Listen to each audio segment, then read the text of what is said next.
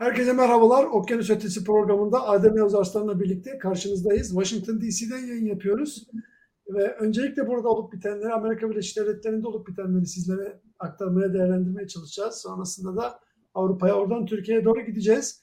Adem, şimdi aslında Amerika'da özellikle her yerde, sadece bizim bulunduğumuz yerde değil, bir tatil dönemine girildi. Yavaş yavaş insanlar tatil modundalar. Ee, evlere her tarafı ışıklandırdılar ve ışıklandırmaya devam ediyorlar. Bir taraftan da Amerika'da şöyle iyi bir durum var. İlk defa uzun bir aradan sonra dün e, arabama benzin alırken fark ettim. E, galonu 3 doların altına düştü benim bulunduğum bölgede. E, enflasyonu da bir şekilde kontrol altına almış görüyorlar, görünüyor. E, sen şimdi bu tatil döneminde hissediyor musun çevrende e, bulunduğun yerlerde ortamı? Ya şöyle, e, buradaki temel gündem işte Thanksgiving programından sonra e, yılbaşına kadar olan dönemde zaten bir tatil ve alışveriş dönemi. Herkes planını ona göre yapıyor. Ekonomiyi canlandırmak için yapılan bence dahiyane bir çözüm. E, benzin fiyatlarını da özellikle düşürdüler. İnsanlar daha çok seyahat etsin, daha çok para harcasın diye. Yani Amerika'nın boşuna kapitalizmin başkenti bir şey merkezi değil. E, bu konularda çok başarılılar. Ben e, şeyi çok e, nasıl söyleyeyim e, bu konulardaki yeteneklerini ve zekalarını çok takdir ediyorum. Her konuyu ticarete dönüştürüp oradan para kazanmayı başarıyorlar. Evet, e, online ticaret yapan bazı arkadaşlarım var. Onlarla da görüşüyorum. Her ne kadar resesyon söylentileri devam ediyor olsa bile diyorlar ki Amazon'daki özellikle satışlarımız e, çok hareketlendi. Biz de bayağı memnunuz diyorlar. Zaten e, öyle bir istatistik vardır. Yıl içinde Amazon'dan sattığınız ürünlerin yaklaşık 6 katını bu son Aralık ayı içerisinde satarsınız. Çünkü insanlar hediyeleşirler. Hediye almak için de genellikle online e, marketlere giriyorlar ve oradan birbirlerine hediye ısmarlıyorlar. Bu çok güzel bir şey. Yani bir taraftan bakınca böyle diyorlar ya Avrupa'da Amerika'da insanlar birbirlerinden kopmuş gibi. Çok da öyle değil. Ee, hem birbirlerine mesela mesela çok enteresan bilmiyorum sana da oluyor mu? Benim birkaç Amerikalı arkadaşım her yıl başında hala bana fotoğraflarından oluşan kart atıyorlar ve yılbaşını tebrik ediyorlar. Burada böyle mektuplaşma, kart atma işi hala devam ediyor. Gerçekten çok e, severek takip ediyorum. Onların attıkları bütün böyle mektupları da bir yerde biriktiriyorum. Hoşuma da gidiyor. Evet güzel bir gelenek. Evet belki belki bizlerin de yani yapması lazım. Çünkü bakıyorum böyle aileleriyle birlikte fotoğraf çekip sonra yeni yıllarını kutluyorlar insanların. Eskiden Türkiye'de böyle yeni yıl kartları falan olurdu. Artık galiba hiç yok bildiğim kadarıyla. Neyse onlarla alakalı bir sürü şeyler söylüyorlar ama böyle ilişkilerin gelişmesi e, anlamında iyi olduğunu düşünüyorum ben şahsen. Evet. Peki yani şimdi e, Amerika gündemine biraz bakarken e, bugün enteresan bir olayla karşılaştık. Ben işin doğrusu böyle ismini birkaç defa duydum ama çok da gündemde olmayan bir isimdi. Sıtkı Ayan diye bir isim var. E, Erdoğan'a yakınlığı böyle 17-25'te bir ara böyle adı geçer gibi oldu. Sonra tamamen gündemden bir şekilde kayboldu. Gölge adam gibi bir kenara çekildi. Şimdi Amerika yeniden Sıtkı Ayan'la alakalı onun şirketlerine yaptırım uygulamasıyla birlikte yeniden gündeme geldi. Sıtkı Ayan kimdir, nedir diye biraz baktığınızda Erdoğan'la ilişkileri, İran'la ilişkiler, kara para meseleleri hepsi içine giriyor. Bu durum e, Türkiye ile Amerika ilişkilerini nasıl etkiler? Erdoğan'ın Amerika'ya bakışını nasıl etkiler? Senin yorumun, analizlerin, görüşlerin neler? Ee, şimdi çok büyük bir haber. Yani dün itibariyle, Cuma günü itibariyle e, özellikle de Dışişleri Bakanı Antony Blinken'ın kendisi tweet attı bu konuyla ilgili. Dışişleri Bakanlığı'ndan, Hazine Bakanlığı'ndan açıklama yapıldı. Hatta Politico diye ki önemli bir yayın organı. Politico'da çok kapsamlı bir makale gördüm. Ee, iyi bir araştırmacı gazetecilik çalışması yapmışlar. Sıtkı Ayan kimdir? Neden e, bu yaptırım listesinin içerisine girdi? Sadece o değil başkaları da var. E, bunların İran devrim muhafızlarıyla, Kudüs gücüyle olan ilişkisi nedir? Terörün finansmanı noktası çok önemli bir konu. Burada nasıl rol almıştır? Bunlara dair kapsamlı bir yazı e, merak eden, detayı görmek isteyen, İngilizce'de takip etme imkanı olanlar Politico'nun web sayfasından bakabilirler. Fazlasıyla detaylı bir konu. Peki neden çok önemli? Şimdi Sıtkı Ayan meselesi bize yabancı bir isim değil. Biz bunu birkaç yerden biliyoruz. Bir tanesi 17-25 Aralık tapelerinden biliyoruz. E, hatırlarsınız o Erdoğan'la e, Bilal Erdoğan'ın konuşması vardı ya. İşte iş adamından bahsediyor. İşte 10 milyon getirecekti, 5 getirdi evet. falan dediği zaman Erdoğan e, rakam çok net hatırımda değil de hani 10 milyon değil de 5 milyon getirince hani rüşvetten bahsediyorsan o kadar kolaylaştırdılar ki işi. Erdoğan sakın alma kucağımıza oturacak dediği adam. Yani hani bu kadar hani o ifadeyi ekranda söylemek de hoş bir şey değil ama artık çok yaygın konuşulduğu ve herkesin bildiği bir konu olduğu için o ifadeyi aktarmış olayım. E, bu isim Sıtkı Ayan'dı. Biz Sıtkı Ayan'ı 17-25 Aralık tepelerinde zaten 25 Aralık yapılamadı. Yapılmış olsaydı çok daha büyük skandallar ortaya dökülecekti. Çok daha büyük rezaletleri dinlemiş, görmüş olacaktık. Onu engellemiş oldular. Çünkü Sıtkı Ayan Erdoğan'ın önemli para kasalarından bir tanesi. Çok önemli bir para kasası Erdoğan'ın. Hatta şöyle ifade edeyim. Dünkü ambargo aslında Erdoğan'a gösterilmiş büyük bir sopaydı. Siyasi yorumunu ayrıca yapacağım şimdi e, bilgi verdikten sonra. Sıtkı yani biz nerede gördük sonra? Man Adası meselelerinde gördük. Hani hatırlarsın Man Adası'nda kurulan bir bir sterlinlik bir poundluk bir şirketle e, Türkiye Erdoğan ailesinin e, para transferleri CHP lideri tarafından gündeme getirilmişti. Konu bayağı bir tartışılma konusu olmuştu. Oradaki isim yine Sıtkı Ayan'dı. E, hatta çok komik e, bir durumla karşılaşmıştık. Şöyle komik. E, AKP lideri Erdoğan ve bütün AKP'liler bu belgeler sahte dedi. E, Kılıçdaroğlu da gitti bankadan hayır belgeler gerçek e, belgesini aldı. Mahkemede de tescillendi. Wikileaks belgelerinde de bu Wikileaks belgelerinde de zaten yola çıkarak bu noktaya kadar geldi. Evet. Yani sonuçta şöyle Sıtkı Ayan Erdoğan'ın para kasalarından bir tanesi. Ve önemli bir para kasası.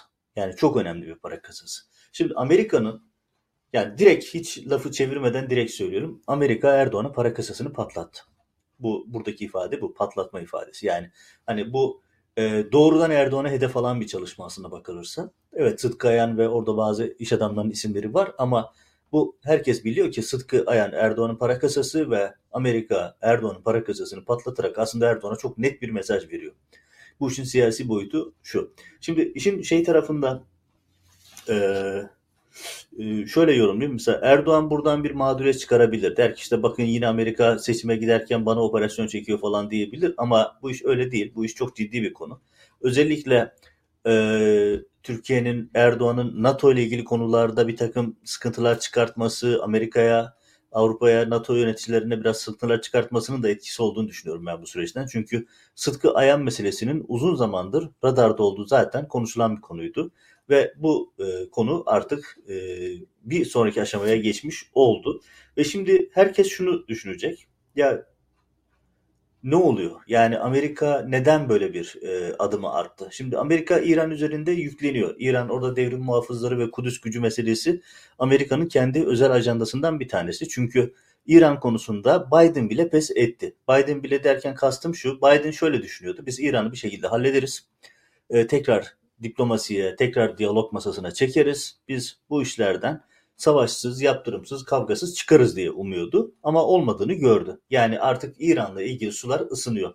İran'la ilgili sular ısınırken bu konuda yani İran devrim muhafızları ve Kudüs gücünün finansal desteğinin bir Erdoğan'a yakın hatta Erdoğan'ın kasası denebilecek bir isim tarafından sağlandığının ifşa edilmesi ve bunun yaptırım listesine alınması ve parantezi de açalım burada bu iş burada kalmaz. Bunun hukuki yargılaması mutlaka olur. Yani bu sürece dair mutlaka biz hukuki süreçleri de daha sonra görürüz. Yani bir nevi yeni bir zarrab dosyasıyla, yeni bir e, Sezgin Baran Korkmaz dosyasıyla e, karşılaşacağımız da kaçınılmaz olarak önümüze çıkacak. Şimdi geldiğimiz nokta şu. Halkbank'tan sıkıntımız var. Sezgin Baran Korkmaz'dan Türkiye açısından söylüyorum sıkıntımız var. Şimdi bir de Sıtkı Ayan oldu. Ve bu ilişkiler yasal süreçlerin içerisine girdiği zaman Erdoğan ve ailesi sürekli Amerika'da konuşulmaya devam edecek. Çünkü söz konusu olan konu İran devrim muhafızları ve Kudüs gücünün terörün finansmanı. Erdoğan'ın en çok korktuğu konu bu biliyorsunuz. Yıllardır Reza Zarrab'ı da Halk Bankası'nı da ölüm kalım meselesi yapmasının arkasındaki temel nokta buydu. Yani Erdoğan'ın terörün finansmanından suçlanmak korkusu. Şimdi o noktaya gelmiş Aynen bu noktaya gelmişken Evet. Biraz daha böyle geriye dönsek 17-25'e doğru dönsek orada ortaya çıktı ki Erdoğan ve ailesi çok yüklü miktarlarda belki yüz milyonlarca dolar, euro diyebileceğimiz paralarla e, Türkiye içinden ve dışarıdan büyük rüşvet olaylarının içine girmişler ve bunları bazılarını kendi evlerinin altındaki kasalarda saklıyorlar. Bazılarını da yurt dışına çıkarıp oralardan yeniden operasyonlar yapmak için kullanıyorlar. Belki bazılarını da işte Katar gibi ülkelere çıkarıp oradan Türkiye'deki varlıkları satın almak için yeniden Türkiye'ye getiriyorlar. Dolayısıyla bu Sıtkı Ayan konusundan tekrar gündeme gelmesi gereken konulardan biri Erdoğan ve çevresinin belki de 10 milyarlarca dolar parayı e, kendi şahsi aileleri ve çevreleri için Türkiye'nin kaynaklarını kullanıp şahıslarına geçirme operasyonunun bir parçası olduğunu bu Sıtkaya mevzusu gündeme gelmişken belki bir kere daha onun altını çizmek gerekiyor. Ya şöyle 17 Aralık'ın yıl dönümüne geliyoruz. İlla ki 17 Aralık'la ilgili tartışmalar yine alevlenecek. İster istemez bu konu tekrar gündeme gelecek ve Sıtkı Ayan da zaten o tartışmaların içerisindeki isimlerden birisi. Hani çok kişi Sıtkı Ayan'ın ismini hatırlamayabilir ama Erdoğan'la Bilal Erdoğan arasında e, sakın alma kucağımıza oturacaklar lafını herkes biliyor. Yani Erdoğan'ın milyon dolarları oğluyla hani o kadar normalleştirdi ki Erdoğan her şeyi. Türkiye'de suç o kadar normalleştirildi ki artık mafya rejimin temel karakteristiği olduğu için ya düşünsene bir başbakan oğluyla rüşvet konuşması yapıyor, para sıfırlama konuşması yapıyor ve normal bir olaymış gibi geçiştiriliyor. Yani iş adamından kucağa oturtmaktan bahseden bir başbakan var. Adam ülkeyi kucağa oturttu maalesef. Yani böyle argo ifadeleri yayında kullanmak zorunda kalıyoruz. İzleyicilerimiz kusura bakmasın ama yani bu kadar e, bir e, zıvanadan çıkma hali söz konusu. Şimdi 17 Aralık'la ilgili hep söylediğim bir nokta var. 17 Aralık açılmış bir dosya ve kapanmış değil. Hani Erdoğan siyasete, yargıya müdahale edip emniyete müdahale edip dosyayı zımmen kapattığını düşünüyor. Ama dosya kapanmış değil, kapanabilecek bir dosya değil. Bakın işte bugün aradan geçen onca sene sonra biz bugün yine aynı isimleri konuşuyoruz. Bakın Sezgin Baran evet. Korkmaz 17-25 döneminde polisin radarında olan isimlerden bir tanesiydi. Hani Yakup Saygılı'nın söylediği bir şey vardı ya mali şube müdürü hala cezaevinde. E, bence Türkiye'nin gördüğü en iyi mali şube müdürlerinden birisiydi. E, emniyetçilerinden birisiydi bu konularda. Ve nedir? E, diyordu ki bizim baktığımız bir sürü dosya vardı. 20'ye yakın dosya vardı. Bunların hepsi kapatıldı. Kapatılanlardan biri Sezgin Baran Korkmaz'dı. Başka dosyalar da var. Şimdi Sıtkı Ayan meselesi. Ya o gün Erdoğan'ın suçlarını kapattılar. Bakın ama hiçbir yerden e, şey çıkmıyor. Yani yine yine bir yerden patladı. Yine bir şekilde bugün Amerika'dan patladı. Yarın bir gün biz şunu duyacağız. 17-25 Aralık darbeydi, şöyleydi, böyleydi tür zırvaları söyleyen insanlar diyecek ki Sıtkı Ayan meselesi Türkiye'nin ulusal itibarına zarar veriyor. Sıtkı Ayan meselesi Türkiye'nin milli güvenlik meselesi. E, günaydın. Yani bunu 2013'te insanlar size belgeleriyle önünüze koydu. Yani Türkiye bütün enerjisini Erdoğan'ın suçlarını kapatmak için harcıyor yıllardır. Evet. Halkbank davası ve Sezgin Baran Korkmaz, Halkbank davası ve Reza Zarrab yıllardır Erdoğan'ın suçlarını örtmek için uğraşıyor Türkiye. Türkiye Erdoğan'ın suçlarını örtmek için inanılmaz tavizler veriyor. Ulusal güvenlik meselesidir Erdoğan rejimi derken bunu abartarak söylemiyorum. Putin mesela Erdoğan'ın suçları noktasında yakaladı ve Türkiye resmen oynuyor Putin'le. Türkiye ile resmen oynuyor Putin. İstediği şekilde kullanıyor. Mesela Erdoğan istediğini, istemediğini ağlamadığında ya da Erdoğan istediğini yapmadığında hemen oradan bir dosya sunuluyor. Erdoğan Siza'ya geliyor. Avrupa, işte Amerika, bu... Erdoğan istediğini e, şu cümleyi de bitireyim. Mesela Amerika Erdoğan'dan istediğini alamadığı zaman Erdoğan ayak direttiği zaman hemen buradan bir Erdoğan'ın şahsi mal varlığı ile ilgili bir cümle bile yetiyor Erdoğan'a dize yelkenleri indirme konusunda. Şimdi Sıtkı Ayan ya doğrudan Erdoğan'ın kasasına geldi adamlar. Bu çok önemli bir adım. Çok büyük yankıları olacak. Türk-Amerikan ilişkilerinde çok ciddi sıkıntıları olacak. Yani Erdoğan artık Amerika biraz pozullarını gösteriyor diyebiliriz. Evet şimdi 17-25'teki konuşmaların e, dökümlerinden bir bölümü koyuyor arkadaşlar. Görüyorsunuz işte Bilal'le konuşuyor. E, para getirmiş diyor. Senin az önce bahsettiğin nokta alayım mı diyor. Sakın alma diyor. Hayır hayır alma. Kendisi bize ne söz verirse onu getirecekse getirsin. Getirmeyecekse gerek yok. Başkaları getiriyor o da o niye getirmiyor? Laf mı diyor. Sonra işte burada seyircilerimiz kendileri de okuyabilirler. Onları söylüyor. Ee, başkaları getiriyor falan. Hatta hatırlarsan bu konuşmalarda işte galiba Sarıgazi Belediyesi miydi neydi? Oradan gelen şu 700 küsür bin var diyor. Başka yerden gelen diyor şu kadar para var diyor. Yani bütün belediyeleri galiba bir e, rüşvet çarkının içine almışlar. Böyle bir liste yapmışlar. Kimseye de güvenmiyor. Kendi olduğuyla çalışıyor. Oralardan galiba rüşvetler geliyor geliyor toplanıyor. Sonra bunun kasasına bir miktar gidiyor. Bir miktar diğer çalışanların kasasına gidiyor böyle bir rüşvet çakrı ta o zaman yani 2014 yılından bahsediyoruz, 2013'lerden bahsediyoruz. O zaman kurmuş. Şimdi düşün üzerinden 10 e, yıla yakın zaman geçti, 9 yıl geçti. Kim bilir ondan sonra nasıl daha büyük çarkları da kurmuştur. Bu da tam senin dediğin gibi Türkiye için büyük bir milli güvenlik sorunu haline gelmiş. İşte Rusya ile olan ilişkilere bakıyorsun, Çin'le olan ilişkilerine bakıyorsun. Acaba uluslararası mecra, mecralarda nasıl böyle rüşvet ilişkileri içine girdi? Onu tabii bizler bilmiyoruz. Sadece olup bitenlerden değerlendirmeye çalışıyoruz. Şimdi bu arada Şimdi bunu demişken burada... e, sendeyiz. Hani, şunu e, tekrar altını çizmek lazım. Yani şimdi bir 17 Aralık programına döndürmek istemiyorum. Tekrar 17 Aralık gündeme getirmek için e, onun için daha başka programlar yaparız günü geldiği zaman ama yani şu noktanın tekrar altını çizelim. Ya 17 Aralık operasyonu ve 25 Aralık operasyonu e, Türkiye tarihinin gördüğü en önemli temizlik operasyonuydu diyebiliriz. Yani neden? Çünkü hani sen diyorsun ya Erdoğan sistem kurmuş. Ya o 25 Aralık, özellikle 25 Aralık bugün Türkiye'nin neden olduğu, içinde bulunduğu büyük ekonomik krizin, çöküşün aslında önlenebilmesi için çok önemli bir fırsattı. Çünkü Erdoğan öyle bir sistem kurdu ki hani belediye başkanlığı döneminde e, hani şu eleştiri söyleyen insanlar haksız değil. Ya işte bu ilk defa mı oluyor? Ya evet Erdoğan belediye başkanlığı dönemindeyken de bir rüşvet havuzu kurulmuş olabilir. Bir bu boyutta değildi. İki biz bunları bilmiyorduk. İlk defa önümüze net olarak düştü ve delilleriyle düştü. Yani kapanamayacak, inkar edilemeyecek delilleriyle, kendi ses kayıtlarıyla, maddi belgeleriyle, fotoğraflarıyla, rüşvetleriyle, her şeyle dört dörtlük bir soruşturma dosyası bu. Ve karşımızdaki tablo şu. Erdoğan şöyle bir sistem kurdu. Önce küçük çapta, belediye döneminde küçük çaptaydı. Başbakanlığı döneminde büyüttü. 2010 sonrasında artık bambaşka bir sisteme, başka bir level'a çıktı. Nasıl oldu? Artık uçanı kaçanı her şekilde rüşvete bağladığı, tarifeye bağladığı bir sistem oldu. Ya burada milyar dolarlardan bahsediyoruz. Yani düşünsenize İstanbul Havalimanı'ndan tutun e, demir yolları, altyapı yolları, köyleri, barajları e, yani Türkiye'deki her işlemden Erdoğan ailesinin havuzuna para akıyordu. Az önce sen de söyledin. Belediyelerden akıyor, iş, iş adamlarından akıyor. Ya düşünsene başka iş adamları getiriyor. Onlar niye getirmeyecek? Onlar da verecek. Milyonlardan bahsediyoruz. 10 milyonu az bulup daha fazla getirmesini isteyen bir başbakandan bahsediyoruz.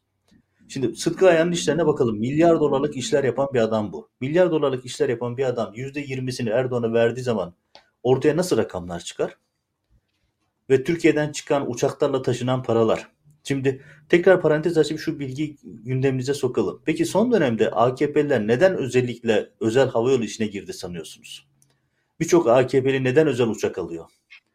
Erdoğan'ın emrindeki o özel uçaklar neden AKP'li yandaş iş adamlarına verildi. İşte bir kısmı Brezilya'da kokainle yakalandı biliyorsunuz. Evet. Onlar sadece kokain transferi için yapılmadı. Onlar Türkiye'den para götürmek için de yapıldı. Çünkü bunlar özel hangarları olan, özel e, pistlere inen, kalkan e, uçaklar ve birçoğuna diplomatik dokunulmazlık verdikleri çantaların içerisinde, valiz şeylerin içerisinde tonlarca para götürdü bu insanlar. Bu böyle bir rejimin e, sonucu Türkiye. Bu ekonomik kriz, bu çöküş, bu mafya iktidarı böyle bir çöküşün sonunda geldi. Şimdi Sıtkı meselesinde tekrar geri dönersek işte Amerika'nın yaptığı hareket bir nevi Erdoğan'ın kasasını patlatmak. Bu çok önemli bir mesaj. Er, Amerika bir taşla birden fazla kuş vuruyor. Ne vuruyor? Bir İran meselesindeki e, konuyu daha da ısındırıyor. Yani devrim muhafızları ve Kudüs gücüyle ilgili ajandasını ısıtıyor.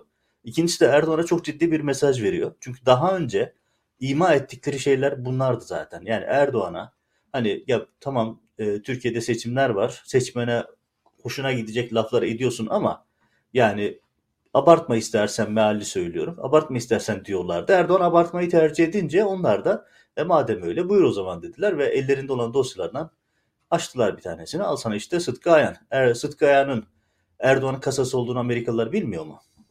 Biliyorlar. Fazlasıyla biliyorlar. Daha fazlasını da biliyorlar. Ve net olarak er, Erdoğan da şimdi Erdoğan da tabii bütün olup bitenin farkında. Az önce ben de onu diyecektim. Ee, sonra söze girmek istemedim. Bir taraftan da tabii uluslararası ilişkilerde kendi çıkarlarına göre Türkiye'yi yönlendiriyor biliyorsun. Şimdi sürekli Putin'le görüşüyor. Arkasından işte Çin'le kendisine göre bazı ilişkiler kuruyor. Ee, Avrupa ile ilişkiler kurarken onlara tehditler ediyor vesaire. Buradan hepsini yönetirken aslında Türkiye'nin çıkarlarının olmadığını hep beraber görüyoruz. Bütün iş Erdoğan ve ailesinin kendi çıkarları çerçevesinde gelişiyor. Ve Türkiye'nin sadece bugünü değil yarınlarını da etkileyecek kararları çok rahat alabiliyor. Kendisi istediği zaman bir nükleer santral kurulduğunda istediği şirkete çok rahat verebiliyor. Hiç ihalelere vesaire bakmıyor. Ya da Türkiye'nin içinde yapılacak bütün işlerle alakalı istediği şirket nasılsa oradan ne kadar para alacaksa ona göre veriyor. Şimdi gene e, işte bugünkü konuşmasında değinmiş. Amerika şimdi orada oradan devam edeceğiz ama oradan diyor ki F-16'lar meselesini konuşurken işte haftaya diyor tekrar Putin'le görüşeceğim diyor vesaire. Sık sık böyle bir Putin'le görüşme, Rusya ile bu kadar yakın ilişkiler içine girmesi, Türkiye'nin nasıl kendi e, uluslararası ilişkilerle örtüşüyor onu kestirmek zor. Ama Erdoğan'ın kendi çıkar ve cebiyle ilişkili olduğunu anlamak çok da zor değil. İstersen bu noktadan geçerken hemen bu F-16'lar konusuna geçelim. Yeniden Amerika'da geçen hafta da gündeme geldi. Şimdi bir adım Bir cümle daha ilave ilerlendi ama hala e, bazı stoklar duruyor. Bir taraftan e, e, bazı çekinceler de var. E, ama Erdoğan bugün yeniden sizinle biz parasını vermiş olmamıza rağmen F-16'larda ilerleyemiyoruz diyor. Türkiye zaten çoktan F-35'lerden F-16'lara kadar tekrar geriye indi. Şimdi bunu da alıp alamayacağı konusunu içerideki siyasette kullanarak Erdoğan yeniden yeniden gündeme getiriyor. Amerika'da tabii bir taraftan Türkiye'nin bu Rusya ile ilişkileri, NATO'ya karşı tutumu, S-400'leri alması konusunda gündeme geldiğinden çekinceli davranıyor. İş sence nereye doğru gidiyor? Ee, F-16'lar özelinden bakıp Amerika ilişkileriyle değerlendirdiğimizde. Oraya geçerken bir cümleyle ilgili Sıtkı Ayhan meselesine bir ilave daha yapayım. O da şu. Yani notlarım arasına aldığım e, başlıklardan birisi de şuydu. Şimdi izleyicilerimiz şöyle düşünebilir. Ya Sıtkı Ayan, e, Amerika, e, İran devrim muhafızları, Kudüs gücü yani teknik bir konudan bahsediyor gibi gelebilir. Hayır öyle değil. Bahsettiğimiz hadise terörün finansmanı. Yani katillerin desteklenmesinden bahsediyoruz. Suriye'de binlerce insanın hayatını kaybetmesine neden olan bir yapıdan bahsediyoruz. İran'da bugün yaşanan infazların, cinayetlerin, sokak ortasında öldürülen insanların arkasında devrim muhafızları var. Kudüs gücü var. Bunlar Türkiye'de zamanda çok cinayet işledi. Maalesef Erdoğan rejimi onu da kapattı. O da kapatılan çok önemli dosyalardan bir tanesiydi. Ve orada hani yine aynı dosyaya uzun uzun dönmek istemiyorum. Yani o dosyaların hepsi çok sağlam dosyalardı ve maalesef siyasi kayıtlar şeylerle kapatıldı. Ve şimdi bu işlem yani Sıtkı Ayan'ın ya şöyle bir tablo özet. Bak şimdi dindar muhafazakar olduğunu iddia eden bir cumhurbaşkanı var. Onun ilahiyatçı ve imam hatipli Sıtkı Ayan da öyle çünkü bir iş adamı dostu var ama Erdoğan'ın kasası Erdoğan'a rüşvetler veriyor milyon dolar var. Erdoğan adına işlemler yapıyor. Milyar dolarlık ihaleleri Erdoğan ona veriyor. Manadası işlemleri oradan transferler vesaire. Yani o kadar normalleştirdi ki Erdoğan suçu. Yani bahsettiğimiz hadiseler bahsedilmemesi gereken şeyler ama er-, Erdoğan rutine bindirdi bunları. Ve dahası ne? Sıtkı Ayan'ın desteklediği, aracı olduğu devrim muhafızları sadece Türkiye'de değil, sadece Suriye'de değil, sadece İran'da değil, dünyanın birçok bölgesinde cinayetler işliyor. Şimdi sor, dönüp şunu sorması lazım AKP destekçileri ya da Erdoğan'ın arkadaşlarına. Ya biz katilleri destekliyoruz. Ya bu soru gerçekten hani kitabın ortasından sorulması gereken soru bu. Ya bu cinayetlerin arkasında bizim parmağımız var. Bizim elimize kan bulaşıyor demeleri gerekiyor ama demiyorlar. Çünkü o ellerle para saymak daha cazip geliyor arkadaşlara. Para üzerinden dönmek daha cazip geliyor ama realite bu. Yani o diplomatik metinlerin alt metin okuması bu. O diplomatik metinler yani Kudüs gücünün işte devrim muhafızlarının desteklenmesi, terörün desteklenmesi lafının alt metni bu. Katillerin desteklenmesi, cinayetlerin sponsoru. Yani Erdoğan'ın arkadaşları ve Erdoğan'ın kasası aynı zamanda Sıtkı Ayan biliyorsun. Katillerin destekçisi. Bu çok ağır bir suçlama ve Erdoğan gerçekten Türkiye için gerçekten büyük bir milli güvenlik sorunu. Yama çok büyük, şey delik çok büyük, yama tutmuyor. Erdoğan bir şekilde Türkiye'nin stratejik konumunu yama için kullanıyor Rusya ile Amerika arasında oynayarak pazarlık yapmaya çalışıyor. Ama delik o kadar büyük ki yama tutmuyor işte. Bir yerden kapatmaya çalışıyorsun öbür taraftan patlıyor. Çünkü karşımızda çok büyük bir skandal var ve her yer delik deşik olmuş durumda. Bu yamalar da bu işi kapatmaya yetmiyor. Dolayısıyla bu hadise Sıtkı Ayan meselesi ve Erdoğan'ın kasasını patlatılması meselesi bence yeni bir Reza Zarrab hatta yeni bir Sezgin Baran Korkmaz dosyası gibi Erdoğan'ın Amerika'ya karşı yeni bir yumuşak karnı oldu. Bu da Türkiye'nin ulusal çıkarları için büyük bir mesele. Şimdi F-16 meselesine... oraya gelirken oraya gelirken bence işin en korkunç tarafı da işledikleri suç ne olursa olsun, yaptıkları ne olursa olsun onların hepsine kendileri bir kulp bulabiliyor olmaları. Yeryüzünde herhangi bir suç, günah, ahlaksızlık yok ki kendilerine bir kulp bulup bir bahane bulup onları yapmayı meşru hale getirmemiş olsunlar. Dolayısıyla gerçekten işin en korkunç tarafı da bu. Yani senin o dediğin katillere destek veriyorlar meselesine de bir bahane bulurlar merak etme onlar. Kendi iş dünyalarında çözmüşler mevzuyu. Yani. Bulamayacakları hiçbir şey yok. Yani, Tecavüze de, hırsızlığa da, arsızlığa da her şeye bir kulp bulabilirler. Allah insana Ama akıl vermiş kullansın diye. Yani Allah insana akıl vermiş kullansınlar diye. Aklınızı kullanın. Yani karşınızdaki hadiseyi e, anlayamayacak kadar akli melekelerinizden uzaksanız da herhalde engelli statüsüne falan geçersiniz. Ne bileyim yani zihinsel melekelerinden yoksun olursunuz. Net bir tablo var karşımızda. Şimdi halk F-16 meselesinde de yani bu hafta içerisinde çok işte önemsendi işte yasa geçti falan. Ya o rutin prosedürel bir işlemdi. Hani sonuca çok etki edecek bir durum değil. Burada önemli olan konu hala hazırda Amerikan Kongresi. Amerikan Kongresi'ndeki Erdoğan muhalifleri, Erdoğan'a tepki koyan çevreler satıcı bloke edebiliyorlar. Özellikle de Komisyon Başkanı Menendez bunu yapıyor. Ee, Biden ikna edebilir mi? Gözler Biden'da. Biden isterse ikna edebilir. Uğraşırsa ikna edebilir. Çünkü kongredeki dengeler açısından. Ee, bu önemli. Ama Amerika'da biraz Erdoğan'ın kolunu bükme, daha doğrusu Erdoğan'ın anladığı dilden konuşmaya başlıyor diyebiliriz. Özellikle Sıtkı Ayan kararı böyle bir karar. Anladığı dilden konuşuyorlar. Yani diplomatik ve nezaket çerçevesi içerisinde söylenen bir takım şeylerin e, istismar edildiğini gördüklerini düşünüyorum artık ve bundan sonra herhalde Erdoğan'ın anladığı dilden konuşmaya devam edecekler gözüküyor. Bu da nedir? Erdoğan yeni tavizler vermek zorunda kalacak. Yeni bir takım çıkarları ile ilgili Türkiye'nin ulusal çıkarlarını kendi çıkarlarına e, burada yine maalesef e, feda etmiş olacak. Hani hep söylüyoruz tekrar edelim. Erdoğan kazanıyorsa Türkiye kaybediyordur. Maalesef Erdoğan'ın kazanacağı her tabloda Türkiye kaybediyor. İşte burada da benzeri bir durumla karşılaştık. Ha, Türkiye F-16 alır mı? Ben almasını bekliyorum. Verirler. Amerika verir. Çünkü Amerika'nın da çıkarına. Ama F-16 almak Türkiye için bir kazanç mıdır?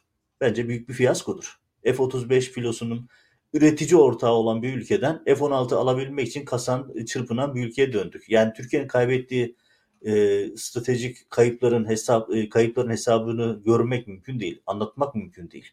Yani maalesef Erdoğan destekçileri, AKP'lilerin anlamadığı da burası. Ya biz F-16'nın üretici ortaydık. Milyar dolar para kazanıyorduk bu işten. F-35'ler bizde çok ciddi bir stratejik üstünlük sağlayacaktı. Şimdi döndük F-16 alabilmek için kasıyoruz. Gerçekten evet. kaybın büyüklüğünü anlamak da anlatmak da çok kolay değil. Bu arada bu F-35'ler Türkiye'den gitti ama Yunanistan e, Amerika ile anlaşma yaptı. F-35'leri şimdi Yunanistan alıyor. Yani düşünün çok güçlü bir spor otomobil almış Yunanistan. Siz burada hala eski Hacı Muratlarla e, alır mıyız alamaz mıyız onların mücadelesini veriyorsunuz. Erdoğan bir şekilde bunu kendi seçmenine yedirmeye çalışıyor ama ha, yedirmeye çalışıyor derken bu arada bugün ayın e, 9'u 21 gün kaldı 2023'e. Zaten 2023 gelince e, F-16'lar, F-35'ler falan Türkiye için bir anlam ifade etmiyor. Türkiye kendi F-135'lerini falan yapmış olması gerekir. 21 gün sonra her şey aslında Türkiye açısından güllük gülistanlık bir dünya lideri olması gerekiyor. Lozan'ın gizli maddeleri kalkacak biliyorsun. Hepimiz zengin olacağız. Kalkacak. O zaman süper bor madenleri, petroller hepsi çıkacak. Bunlar hepsi topluma yayılacak. İnsanlar şeylerini, kaloriferlerini sonuna kadar açacak. Kalorifer açarken pencereleri de açacak. Sabredin 21 gün Vallahi, kaldı. 22. günde olay bitti. Yani itiraf ediyorum Erdoğan'ı kıskanıyor. Ya bu büyük bir başarı. Yani büyük bir başarı. Gerçekten milleti böyle aptala çevirdiler. Lozan'ın gizli maddeleri diye diye diye Çok böyle milleti böyle yani artık gerçekten Erdoğan'ı kıskanıyorum. Ya böyle bir illüzyonu yapabilmek herkesin harcı değil. Yani millete e, rezaletlerin üzerine örtme konusunda muhteşem bir yeteneğe sahipler ve manipülasyon konusunda diyorum ya Hitler ve Goebbels yaşasa herhalde ya büyüksün üstad deyip önünde eğilirlerdi yani. Evet evet yani kendileri delirdiler insanları da delirttiler görüyorum sokak röportajları falan ne dediğini bilmeyen amcalar ablalar sokaklarda maalesef dediğin gibi böyle medya üzerinden özellikle e, propaganda yapa yapa yapa insanları aptala çevirdiler ya maalesef algılayabilmek doğru yanlış e, günah sevap ahlaklı ahlaksız dürüstlük hepsi birbirine karışmış durumda yani neyin doğru neyin yanlış olduğunu anlayamıyorsun şu anda Türkiye'de. Gerçekten dediğin gibi toplumu bütün bir toplumun ayarlarıyla ayarlarını bozdular. Şimdi baksana konuşulan konuyu birazdan gene geliriz. İşte çocuk evlilik 6 yaşında birisi kızını evlendirmiş öyle mi böyle mi? Böyle saçma sapan sapıklıklar konuşuluyor. Onların üzerinden başka konular açılıyor. İki gündür bak Twitter'a başka bir konu yok. Yani gerçekten büyük bir sapıklık. İnsan hiç aklına bile getiremiyor. Ne olmuş diye düşünmek bile istemiyorsun. Bu kadar büyük sapıklık üzerinde şimdi konuşuluyor. E konuşurlar tabii çünkü hatırla Bekir Bozdağ'ın konuşmasını bir tecavüz olayı vardı. Birisi hapse girmiş, küçücük çocuğa tecavüz etmiş. Adam resmen ailenin ve çocuğun rızası var dedi ya. Bunun üzerinden tabii konuştular. Yani artık deli saçma. Küçüğün rızası. Küçüğün rızası. Küçüğün rızası dedi. Ya böyle bir ifade düşünebiliyor musunuz? Küçüğün rızası. Allah yani ya sabır. Evet. Bu arada bu kara harekatı vardı Erdoğan. Bu cümle, bu konuya geçerken Türk-Amerikan ilişkilerine dair bir cümle daha bir başlık daha vardı. Onu da eklemiş olalım. Amerika net bir şekilde Erdoğan'a operasyon falan yapma, kara harekatı yapma dedi. Dikkat et. iki haftadır bu konudan ağzından bir cümle çıkmıyor. Her gün savaş planları yapan Erdoğan medyasından, havuz medyasından tek satır çıkmıyor. Çünkü Amerika operasyon falan yapmayın oturun yerinizde dedi ve bitti. Eğer bu yani Taksim'deki burada... saldırıyı bir, organize eden birileri, istihbarat vesaire kim yaptıysa, Türkiye'yi sınır ötesi harekata teşvik etmek için yaptıysa o insanları da öldürmüş gitmiş olacaklar yani şimdi. Öyle oldular. Çok rahat öyle oldu gözlerini kırpmadan insanları öldürüveriyorlar. Öyle oldu, öyle oldu, hep oldu. Bundan sonra da böyle olacak. Hatta benim daha karamsarım bu konuda. Erdoğan köşeye sıkıştıkça daha da agresifleşecek. Daha da kanlı işlemlerin talimatını çok rahatlıkla verebilir. Ne oldu hani sen dediğin gibi iki hafta üç hafta önce dört yaşında Taksim'de İstiklal Caddesi'nde ölen çocuğumuzun intikamını alacağız diyordu. Bitti gitti dediğin gibi. Ama sandıkta alacağız diyordu. Sandıkta hesabını sorun diyordu. Daha sandık gelmedi. Erdoğan orada haksız değil. Sandıkta hesabını sorun diyor. Yani böyle bir olayı rahatlıkla söyleyebiliyor ve seçmenin de hiçbir rahatsızlık yok. Artık gerçekten evet.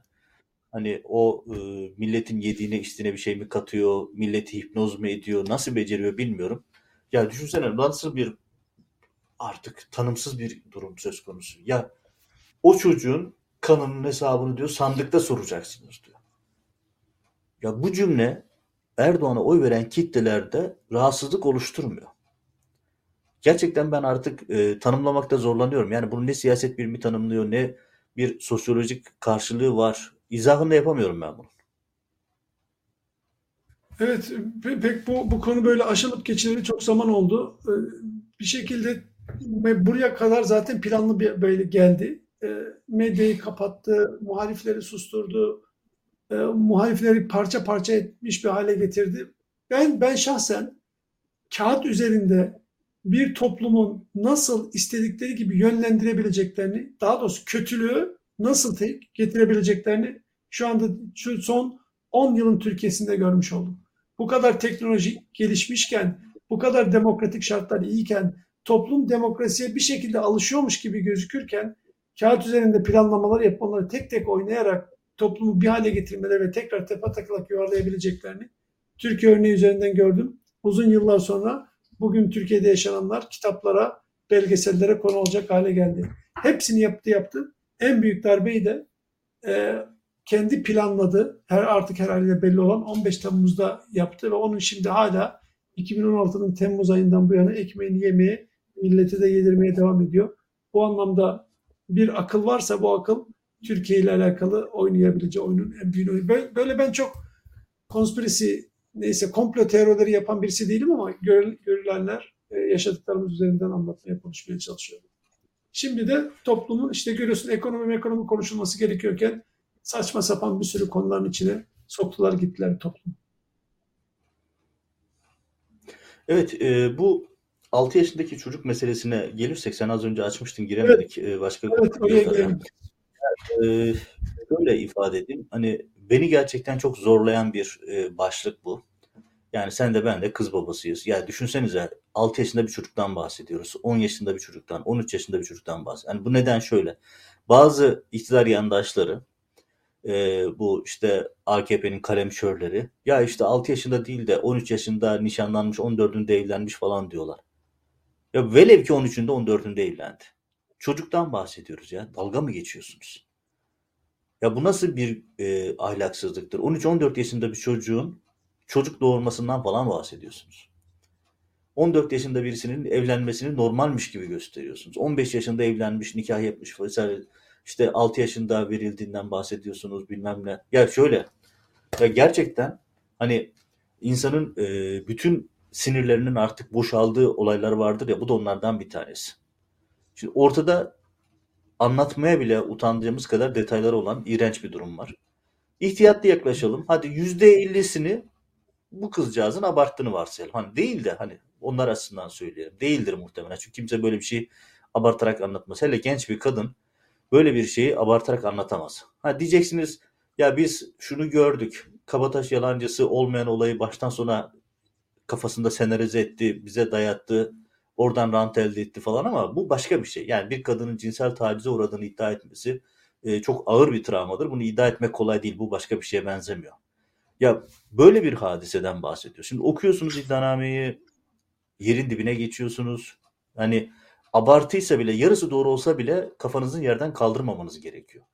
Öbür taraftan bakıyorsunuz aile çevrelerinin anlatımlarına, ihtar medyasının söylemlerine bakıyorsunuz. Ya tamam Türkiye'de erken evlilik diye bir sorun var. İşte istatistikler de gösteriyor. Ben yayın öncesinde e, TÜİK verilerine baktım. 15 yaşın altında kaç kişi çocuk doğurmuş şeklinde bir istatistik var ya. Bakın bu ülkede 15 yaşın altında doğan çocuklarla ilgili istatistik var. Bu devletin TÜİK verilerinde var. Ya 15 yaşında bir çocuğun doğum doğum yapmasından bahsediyorsun. Demek ki sen bu çocuğu 13 yaşında, 14 yaşında evlendirmişsin. Ya da tecavüze uğramış ya da tacize uğramış. Neden bahsediyoruz? Hani bu olay öyle örtülebilecek. Ya aman sakın bu konuyu işte buradan siyasi rant elde etmeyelim falan diyenler var. Ya siyaset bu konularla ilgilenmeyip hangi konuyla ilgilenecek? Siyaset sadece rant dağıtım aracı mıdır? Ortada toplumsal büyük bir yara var. Bakın bu istatistik çok net bir şekilde şunu gösteriyor. Türkiye'de bir erken evlilik sorunu var. Çok erken yaşlarda insanlar çocuklar evlendiriliyor ve bu çocukların çok erken yaşlarda çocuk sahibi olması gibi bir sorun var. Ya çocuğun kendisi çocuk zaten. Ve burada bahsettiğimiz olay 6 yaşındaki bir çocuktan bahsediyoruz. Hani diyor ki aile çevresi işte bu 6 yaşındaki fotoğraf icazet törenindendi. Aslında 13'te nişanlandı, 14'te evlendi falan. Ya öyleyse bile büyük bir skandal. Yani ondan evet. emin değilim çünkü orası biraz gri bir alan gibi duruyor. Yani ailenin söylediği şeyle ama e, kadının kendi ifadeleri var. Kadının kendi ses kaydı var. Tacize uğradığını söylüyor ve bunu kendisine oyun gibi gösterilmiş. Ya olacak yani okurken insanı gerçekten dinlerken tüylerin diken diken olduğu bir hadiseyle karşı karşıyayız. Ya burada şöyle bir sıkıntıyı da ifade etmek lazım. Ya bu da bu öyle zor bir konu ki bu. Bir taraftan da şöyle bir şey var. Bütün tarikatlar, cemaatler kapansın diye, yok işte Timur Soykan tutuklansın, Kalk TV kapatılsın diye atağa kaçmış bir iktidar cenahı var. Ya bu soruna böyle yaklaşırsanız buradan e, çatışmadan başka bir şey çıkmaz. Birincisi gazeteci niye tutuklanıyormuş ki? Gazeteci iddianamedeki haberi yazıyor gazetecilik kriterleri açısından eksik olan bir tarafı varsa eleştirirsin. Ama gazetecinin yaptığı işten dolayı gazeteci tutuklansın hashtag'i açmak ne demek? Yani yok işte bu gazeteci eskiden şu haberleri yaptı biz güvenmiyoruz. Yani ne demek güvenmiyoruz? Ortada net bir iddianame var. Gazetecinin yaptığı iddianameden belgeli haberi aktarmak. Burada gazeteci tutuklansın kampanyalar açmak hadsizlikten başka bir şey değil. Gazeteci işini yapıyor. Ama buradaki asıl sorun bambaşka bir sorun. Ya bu tarikatların yapısı, e, sosyolojik olarak Türkiye'deki erken yaşta evlilikler, ailelerin bu konulardaki mantıklarındaki büyük sakatlıklar ya bu, bu çok boyutlu bir sorun ve bu soruna böyle işte tarikatlar kapatılsın, bunlar hepsi cezalandırılsın mantığında yaklaşırsanız hiçbir yere gidemezsiniz. Çünkü suç bireyseldir. O suç varsa yargılama sürecinde ispatlanır. Kişiler bireyler olarak yargılanır, bireyler olarak hesap verir. Bence annesi babası o eşi ol, yapılan o müridi olan kişinin yargılanıp hesap vermesi, tutuklanması ya da işte tutuklu yargılanması gereken insanlar. Çünkü ortadaki iddialar çok ağır iddialar, çok ağır şeylerle karşı karşıyayız. Şimdi bunun, bunun gelişmiş bir batı ülkesinde olduğunu düşünelim. Bütün ülke tek bir vücut olur ve bir çocuğa karşı bu yapılanın neyse bunun hesabını verilmesi için elinden gelen her şeyi yapar. Televizyonlar, kanallar, bültenler bunun araştırılması, öğrenilmesi ve ne yapılması gerektiğiyle alakalı en ince detaylarına kadar haberler yapar. Ben geçen editör masası programında da söyledim. Burada işte bir şeyde lisede e, oradaki bir tane görevli çocuklara sarkıntılıkla vesaire yapmış. Onu günlerdir haber yapıyorlar ve onun üzerine gidiyorlar, görevden aldılar vesaire bir sürü şeyler yaptılar. Mahkeme süreci devam edecek. Mahkemeler, insanlar mahkemelere çıkarılırlar, suç alacaksa suçlanırlar ve toplum böyle bir şey bir daha olmasın diye bir araya gelir. Biz de bir araya gelmek yerine sen onu dedin, sen bunu dedin, sen e, şucusun, sen bucusun diye zaten iktidarın da sevdiği modellerden bir tanesi bu. İnsanları birbirine düşürmek için kullandılar. Bence toplumsal olarak en büyük sorunlarımızdan bir tanesi bu. Çok derin ve büyük bir problem var, bir suç var. Bu suça odaklanmak yerine insanlar gene birbirlerine Gene karşı gruplara odaklanıyorlar. Türkiye'nin zaten çıkamadığı mevzulardan bir tanesi bu. Oysa bir sürü e, birlikte olması gereken konu var. Hiçbir şekilde birlikte olunmayı sağlayamıyor maalesef Türkiye'de toplum. Şimdi, Biz de destekten olacak. Şöyle, e, hani bir baba olarak, bir kız babası olarak hep biraz da böyle hani bir şey söylerken çok zorlandığım dosyalardan bir tanesi. Ya ben mesleği polis adliyeden başladım. Yıllarca sokakta toplumsal olayları izledim. E, asayiş olaylarını izledim. Çok gördüğüm şeylerden bir tanesi de şuydu. Çocuk esirgeme kurumlarında, çocuk yuvalarında, işte daha sonra onlara sevgi evleri falan dendi. Bir sürü şey söylendi. Değişik isimlerle e, yapıldı.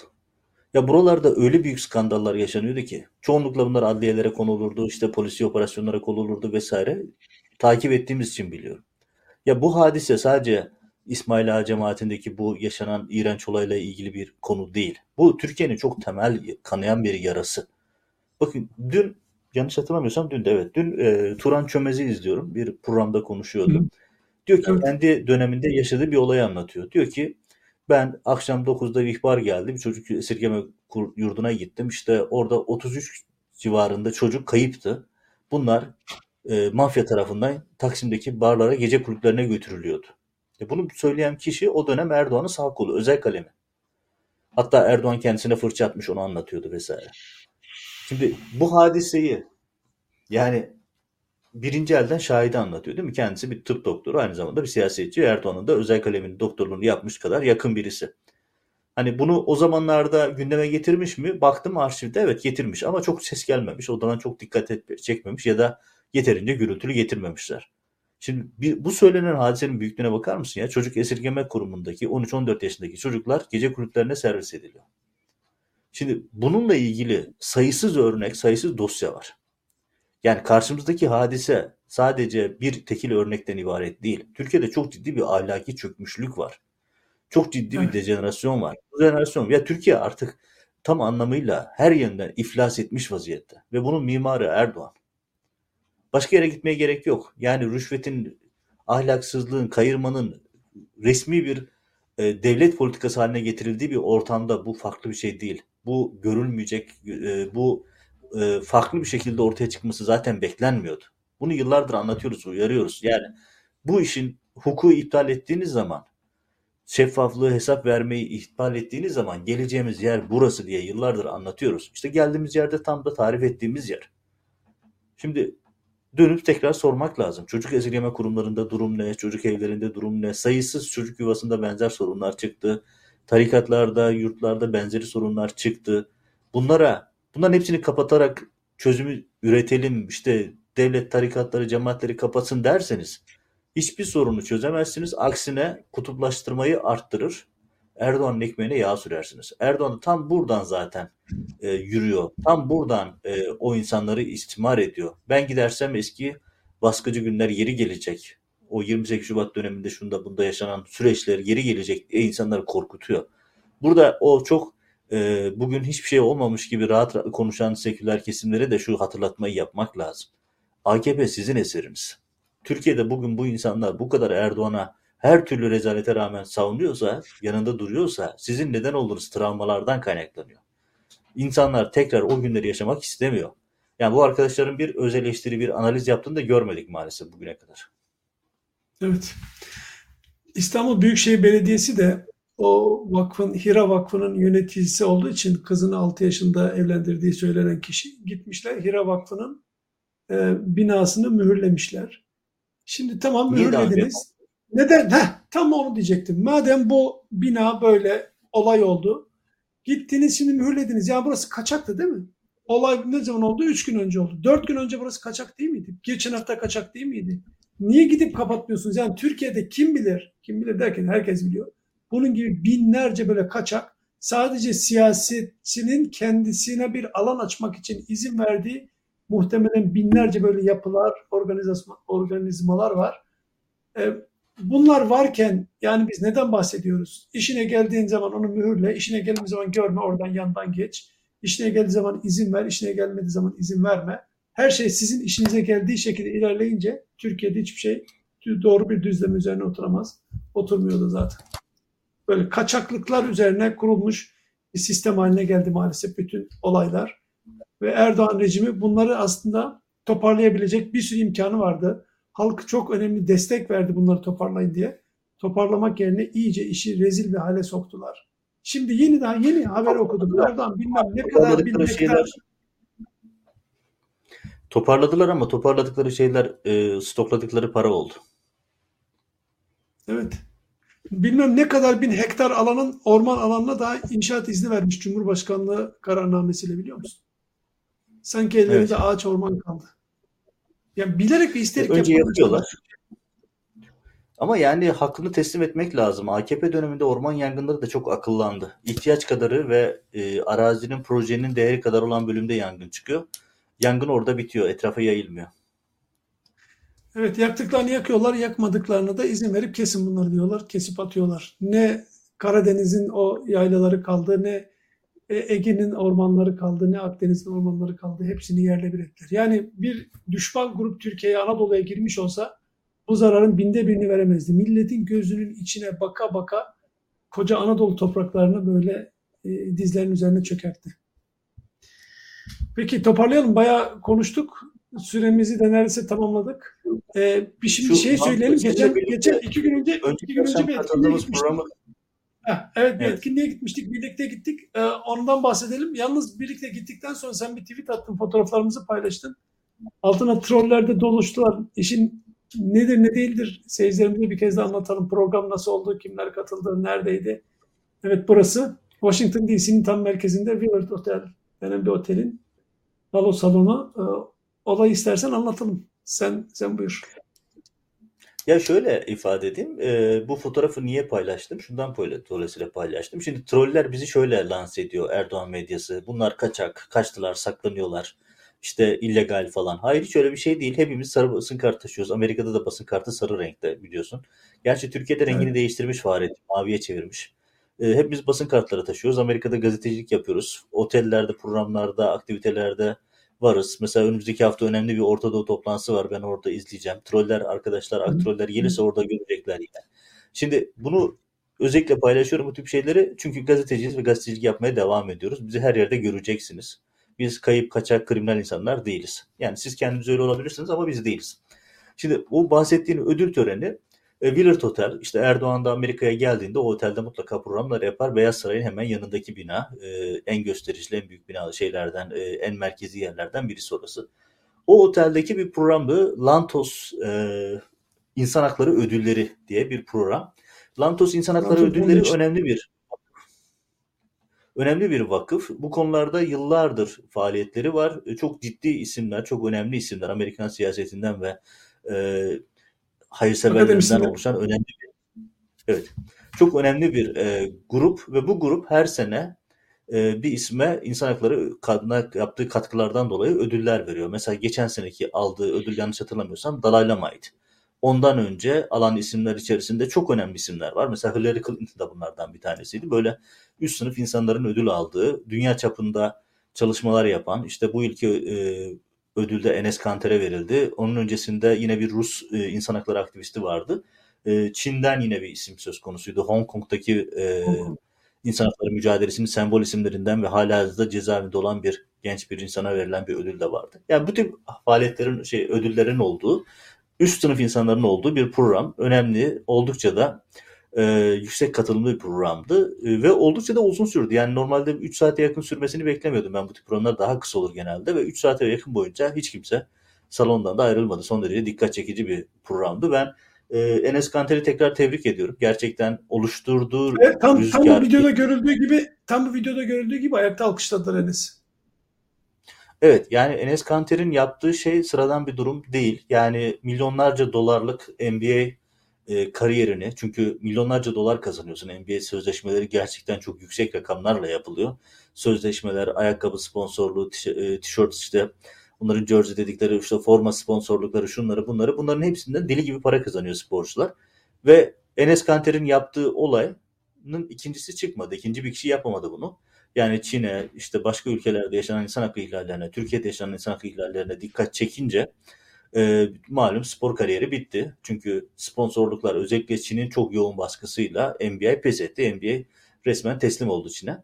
NBA, e, Enes Kanter'i bu mücadelesi, insan hakları ile ilgili çalışmaları özellikle de e, sorunlu alanlar ki yakın zamanda İsrail'e gitmişti malum. Orada e, Filistinli ve e, İsrailli çocuklarla bir e, basketbol kampı yapması bayağı bir e, ses getirmişti. Orada bir e, önemli bir adım olarak gösterildi. Ya bütün bunların hepsi insan hakları konusunda çalışan e, Lantos Vakfı gibi önemli bir vakfın dikkatini çekmişti ve oradan ödül verildi. Kendisi son derece güzel bir konuşma da yaptı. Yani Enes Kanter şöyle söyleyeyim. Hani iyi basketbolcu olduğu kadar iyi bir hatip, iyi bir e, insan hakları aktivisti de oldu diyebilirim. Evet, toplantının yapıldığı salonu sen de bahsettin ama çok önemli bir yer. Hemen Beyaz Saray'a belki yürüyerek birkaç dakika mesafede Washington DC'nin tam ortasında önemli bir otel. Ee, orada yapılıyor olması ve zaten Enes'e son bir yıl içinde birden fazla e, insan hakları ödülü verildi. Bu da e, Enes'in e, aldığı mesafeyi çok önemli olduğunu gösteriyor.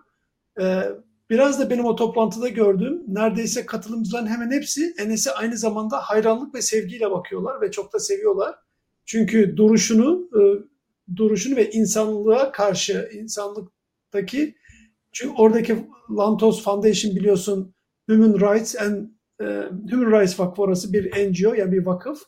Dünyadaki bütün insan haklarını savunan bir vakıf ve Enes'in de bu insan hakları savunması konusundaki duruşunu hem de kariyerinin tam zirvesindeyken hayat kariyerini büyük bir riske atarak duruşunu çok takdir ediyorlar. Bir taraftan da ona hayranlık duyuyorlar. Benim o gözlerden gördüğüm, salonda katılımcıların gözlerinden gördüğüm Enes'e karşı hayranlıktı. Bu da e, bir şekilde Türkiye'nin den çıkmış birinin dünyadaki yaşananlara karşı duyarlı olması anlamında Enes için önemli bir misyon olarak görüyorum. Her ne kadar senin attığın tweetin altında bir sürü troller hakkımızda şöyle bir sürü şeyler yazmış olsalar da işin aslı faslı budur. Troller trollerini yapıyorlar. Ben ya bunu niye e, açıkçası yani gündem yapmayı bile ben zulüm olarak görüyorum. Troller yaptıkları işi yapıyor, parasını alıyorlar, bağırıyorlar. Yani trollerin zaten misyonu budur. Senin benim vatandaşın parasından, bütçesinden, maaşından, vergilerinden aldıkları paralarla sağa sola küfrediyorlar. Hiç umurumda bile değil. Dönüp bakmam bile. İstedikleri kadar bağırıp çağırıp küfretsinler. Umurumda değil. Ben işimi yapıyorum. iyi yapmaya çalışıyorum. Benim ta, takip ettiğim kriterler bambaşka. Uluslararası kriterleri takip ediyorum. Troller öyle demiş böyle demiş hiç önemli de değil. İstediklerini yani, demeye devam ediyorum. Bütün önemli programlarda gazeteci olarak bizleri görmeye devam edecekler. Dediğin gibi işini iyi yaptığın zaman her zaman iyinin bir karşılığı vardır. Gazetecilikte de böyledir, iş hayatında da böyledir, sanat hayatında böyledir. Sen yeter ki yaptığın işi iyi yap. İnşallah elimizden kadar geldiği kadar iyi yapmaya çalışacağız. Tamam bitirelim. Uzattık. Peki. Yani troller e, trollere o zaman şey söyleyeyim. E, hani kısmet bu sen de gördün. E, masamızda denk gelen e, önemli medya kişilikleri vardı. Özellikle de birkaç tanesi bayağı ilginçti. Türkiye'de yaşanan insan hakkı ihlallerini, e, yapılan gazeteci tutuklamalarını, Erdoğan'ın medya yönelik e, tavırlarını anlattığın zaman da zaten yüzeysel biliyorlardı. Çok detayda inmiş oldular. E, hani troller rahatsız olmaya devam etsinler. Bu otelle alakalı bu arada benim çok enteresan bir hatıram var. 2-3 sene önce burada yaşadım. E, sen de biliyorsun. Neyse bir ara fırsat olduğunda imkan olsa tekrar hatayı anlatırız. Şimdi bitirelim o programı. Peki. Peki görüşmek, görüşmek üzere. Hoşçakalın.